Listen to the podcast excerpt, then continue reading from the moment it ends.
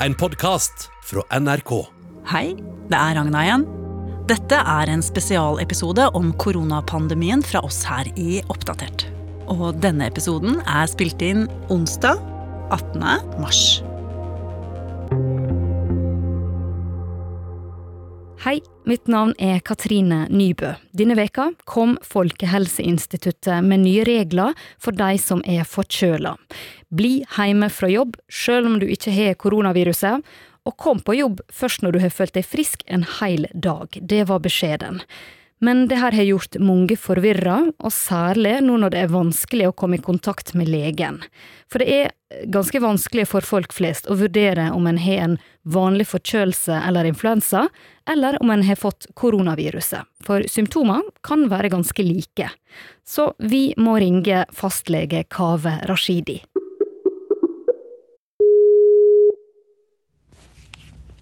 Hei sann. Hei, Kave. Ja. Ok, Kave. Nå blir vi bedt om å holde oss hjemme sjøl ved vanlig luftveisinfeksjon. Men hva er egentlig en vanlig luftveisinfeksjon? Det er veldig mye forskjellig.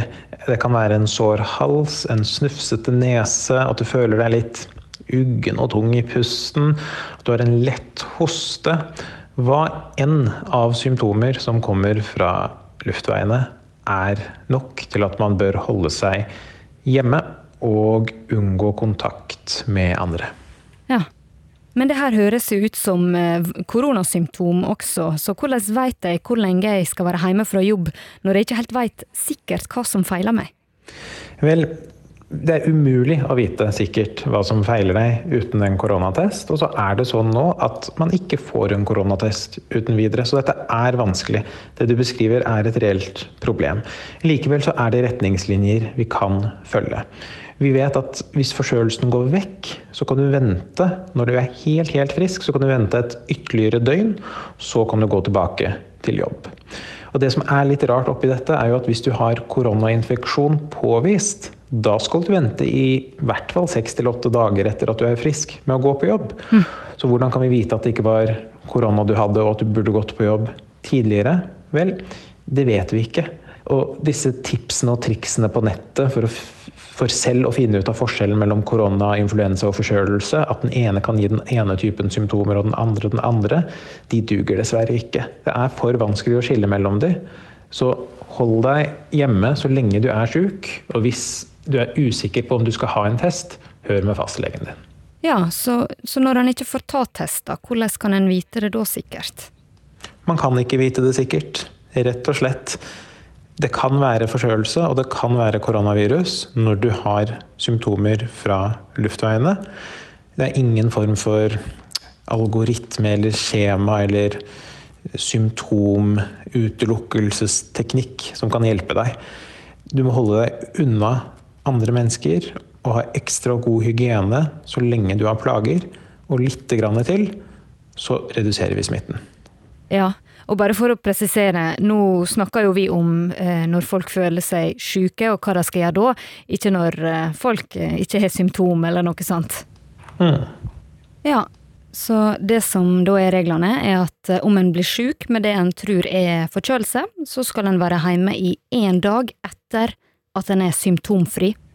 Riktig. Og de reglene de kan fort endre seg, så her må vi alle sammen følge godt med. Det er reglene per i dag, og jeg vet ikke hva reglene kommer til å være i morgen. Nei, også Hvis en er da hjemme med det som kan kjennes ut som symptomer på korona, at han har tungt for å puste og sånt, da skal han være hjemme i sju dager eller sju til åtte dager? Ja, og hvis man kommer så langt at man syns det er tungt å puste, så, så, er det et såpass alvorlig symptom at man burde vurdere å ringe fastlege eller legevakt og høre om dette er noe som er verdt å undersøke nærmere. Okay. For skikkelig tungpusthet, det er et alvorssymptom. Og Hvordan kan en da komme i kontakt med legen hvis det er lange køer og en er litt usikker på om en skal plage legen? Vel, Fastleger organiserer seg jo ulikt fra sted til sted. På mitt fastlegekontor kan alle pasientene sende en elektronisk melding til meg, og da svarer jeg dem samme dag. Andre opererer med at man ringer og snakker med sekretærene. Og så har vi 116 117, som er det nasjonale telefonnummeret for legevaktene. Ok, eh, men vi har fått fortalt at folk med korona de skal isoleres, altså ikke gå ut eller være nær de som en bor med. Men hva med de som tror de er vanlig forkjøla eller har influensa? De må også gjøre sitt beste. Være så lite som mulig ute. Unngå andre folk. Holde god avstand. Vaske hendene hyppig og grundig. Og i forhold til hvem man bor sammen med, så må man bare ta personlige tilpasninger. Selvfølgelig, hvis du er alenemor for tre barn, så kommer det til å være en kjempeutfordring. Men har du et stort hjem og er flere, så kan man klare å holde seg unna de andre bare ved å dele hjemmet inn i forskjellige soner. Ok, men tenk at eh, jeg konkluderte med at det jeg hadde, det var en forkjølelse. Så derfor så går jeg på jobb etter én dag uten symptom, og jeg har følt meg frisk. Men så viser det seg at eh, Eller det viser jo seg ikke, for en finner jo aldri ut, men det var mild koronavirusinfeksjon, mm. egentlig. Er helsemyndighetene redde for det?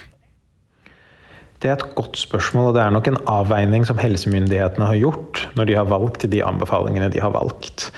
Det er enkelt å sitte hjemme og tenke at de gjør feil, og kanskje de gjør det, men vi har egentlig ikke så mye annet valg enn felles å følge de rådene vi får. Og så er man nok nødt til, i kriser sånn som dette, å stole på helsemyndighetene sine. Ja, og hva slags symptom skal en, en se etter da, hvis en er redd for at en kan ha koronaviruset? Feber, tungpustethet og alt det du er kjent med fra influensa. Verker i kroppen, sliten, slapp, hosting. Og det er utrolig mange symptomer, så det er veldig mye som ligner på korona. Ja, her er det mildt sagt mye å holde styr på. Hvorfor kan vi ikke bare gjøre det enkelt og teste alle? Hadde det bare vært så enkelt at vi hadde hatt nok ressurser til å teste alle, så hadde man nok gjort det. Men det handler også litt om at det gir bare et øyeblikksbilde. Om vi nå tester alle sammen, hva skal vi gjøre om tre dager når noen begynner å snufse et sted og noen begynner å hoste et annet? Vi må prøve å monitorere hvor mange som er syke i befolkningen. Og den måten de gjør det på nå, er å se hvor stor andel av testene som tas, er positive. Det er ikke en like perfekt måte som å teste hele befolkningen, men det er det beste man får til med dagens ressurser og kapasitet. Ja, og nå er det sånn at 95 eh, omtrent av alle de som faktisk har fått tatt en test, de har testa negativt. Altså de har ikke korona. Men Kave, jeg las nå at testkapasiteten kommer til å øke framover. Betyr det at flere kan bli testa selv om de ikke oppfyller kravene som er per i dag? Det kan absolutt bety det. Disse retningslinjene endrer seg fortløpende, og det er ikke lenge siden de strenge kriteriene ble lagt til grunne, de vi følger nå i dag. Så for alt vi vet, så er det flere som skal teste seg i morgen, over i morgen, dagen etter det. Men her er helsemyndighetene på'n og passer på. Så får vi bare følge med på hva de finner ut av. Og fastlege Kaveh Rashidi han svarer også på spørsmål og svar fra folk i podkasten God bedring, som du finner der du hører podkast. Har du noe du lurer på om korona som vi kan ta opp i disse episodene? Send innspill på oppdatert krøllalfa nrk.no.